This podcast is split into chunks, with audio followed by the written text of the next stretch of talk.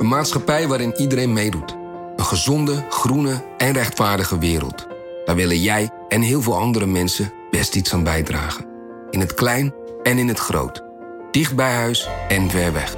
Zo hebben we vorig jaar 349 miljoen euro bij elkaar gebracht.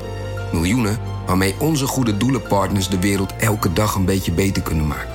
Nationale Postcode Loterij. Samen voor een betere wereld. Bij een juridisch conflict kun je het gevoel krijgen dat je in een rollercoaster bent beland. Je wereld staat op zijn kop en je bent de controle even helemaal kwijt. Dan is het fijn als je bent verzekerd bij ARAG. Daar werken topjuristen en advocaten die je begrijpen. Die een stap extra voor je zetten. En je het gevoel van controle teruggeven.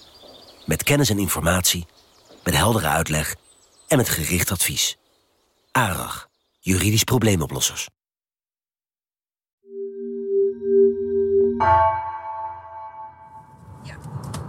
Uh, wat is precies? Het adres. Route de Philippeville. Weet je hoe je dat moet schrijven? Route de... Philippeville is zoals Philippe op zijn Frans. Ja. Dat weet je uit je hoofd? Ja, dat weet ik nog uit mijn hoofd. Ik weet alleen de nummer niet meer uit. 124. 124 of 128. Maar dat maakt niet uit, dat staan toch vlak naast elkaar. Anouk en ik zijn met Mark Eekhout, justitiejournalist bij De Standaard, op weg naar Marcinelle, bij Charleroi in Wallonië. Ik zie het ook nog voor me en ik zie... Ik weet ook dat je het... Je kan het van op de ring eigenlijk zien zo. Het ligt naast de brug van de ringweg. Oké, het is nog 12 minuten. Ja. En nu rijden we eigenlijk door zo al de gemeentes allee, rond Charleroi, zoals Jumet. Ja, waar dat Dutroux eigenlijk rondreed en zijn slachtoffers maakte en ze ook begroeven. Nederlanders denken bij België misschien eerder aan het pittoreske Gent of Leuven en aan shoppen in Antwerpen. Maar Wallonië is onbekender terrein. En dat gold 25 jaar geleden voor veel Vlamingen ook, vertelt Mark. In de zaak Dutroux leerden veel, veel Vlamingen, maar ook journalisten, plots een deel van, eh, van België kennen, van Wallonië, waar ze nog nooit van hadden gehoord. Hè. Dat was dan hier, hè. de streek rond Charleroi. Ja, en dat was dan natuurlijk ja, nog grauw, grijs, eh, arm. Grauw, grijs, arm. Het zijn inmiddels een beetje clichés over dit deel van Wallonië. Maar er zit een kern van waarheid in. Op veel bordjes langs de weg zien we een icoontje van een fabriek. Veel eh, staalindustrie die, die failliet is gegaan. Er is nog altijd veel leegstand en verloedering in dit gebied. Vanaf de jaren 50 moesten veel mijnen en fabrieken hier sluiten. En de hoge werkloosheid die daarop volgde is nog altijd een probleem. In Ransard had hij trouwens een loods, Dutroux, waar we nu voorbij rijden. Hij had iets van zes huizen of zo? Of? Ja, ik weet dat niet meer van buiten, maar hij had, hij had heel wat huizen. Ja, dat heeft ook zoveel... De, veel theorieën de kop doen op, opsteken van hoe kan hij dat, als, dat hij zoveel huizen had. Maar dat waren stuk voor stuk krotten. Hè.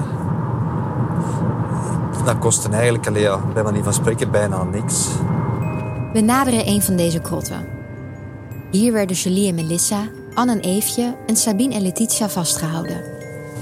God man, ken ik mezelf nog nauwelijks nog. Als we de auto uit zijn gestapt en om ons heen kijken, komt de omgeving ons direct bekend voor. Die beelden zijn toen, weet je nog? Die beelden zijn toen vandaar gemaakt. Ja, ja, ja. Want ik zie dat inderdaad precies zo voor me. Ja, dus die beelden van, van de bevrijding, dat is hier hè. Op een paar meter afstand razen de treinen met regelmaat voorbij over de spoorweg.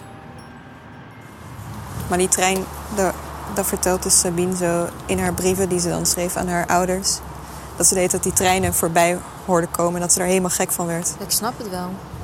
Daar Ja. word je ook al gek van. Ik weet niet of dat ook was van dat daar buiten gewoon alles doorgaat of zo en dat je daar dan binnen zit. We voelen ons wat ongemakkelijk. Als een soort ramptoeristen die 25 jaar na dato nog even komen kijken naar het horrorhuis. Mark spreekt een jonge man aan die in de straat blijkt te wonen. Is dit het huis van Marc Dutroux? vraagt Mark voor de zekerheid. La maison Dutroux, c'était quand même ici, hein, de Marc Dutroux. Ouais, Oui, hein. mais celle-là. We staan voor het huis, dat nog steeds leeg staat. De hele gevel is afgetimmerd en daarop is een schildering gemaakt. Je suis nouveau ici. Ah oui, mais Ouais, tu n'es pas né ici. Ouais. De man die nog steeds bij ons staat, vertelt dat hij 28 jaar oud is. maar pas later hier is komen wonen. Quand vous êtes venu ici, vous le saviez Ouais, ouais, je savais, oui, oui, je savais. Je savais, oui. Toen hij hier kwam wonen, wist hij al wat er zich in dit huis had afgespeeld. De man vertelt dat er nog altijd veel journalisten langskomen. Maar ook mensen die video's of foto's van het huis maken. Il y a beaucoup de journalistes qui, qui viennent ici. Il y a beaucoup de gens, et beaucoup de journalistes, il y a beaucoup de filles, des gens. Et le- il faut toujours les vidéos et tout. Ouais. Ouais, Et des photos. ouais. Na 25 jaar lijkt hier weinig veranderd. De voorbijrazende trein, de afrit van de snelweg, het huis dat er nog altijd staat, maar niet bewoond is. We zien de beelden van Sabine en Letitia die huilend uit de kelder worden gehaald in deze straat, zo weer voor ons. Alsof het gisteren was. Het huis lijkt ongewild een soort pijnlijk monument geworden voor deze traumatische gebeurtenis uit de Belgische geschiedenis. Hoe kom je als slachtoffer of nabestaande over zo'n traumatische gebeurtenis heen? En hoe doe je dat als samenleving? Kan België deze zaak al achter zich laten?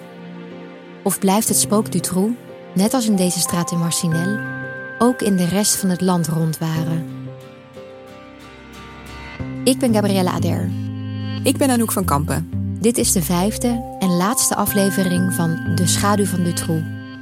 Het verdriet van België. Fijn dat je luistert naar De Schaduw van Dutroux. Wil je deze aflevering verder luisteren? Nederlandse luisteraars doen dat via de podcast-app van NRC. Belgische luisteraars via die van de Standaard. Daarvoor heb je geen abonnement nodig, dus luister snel verder.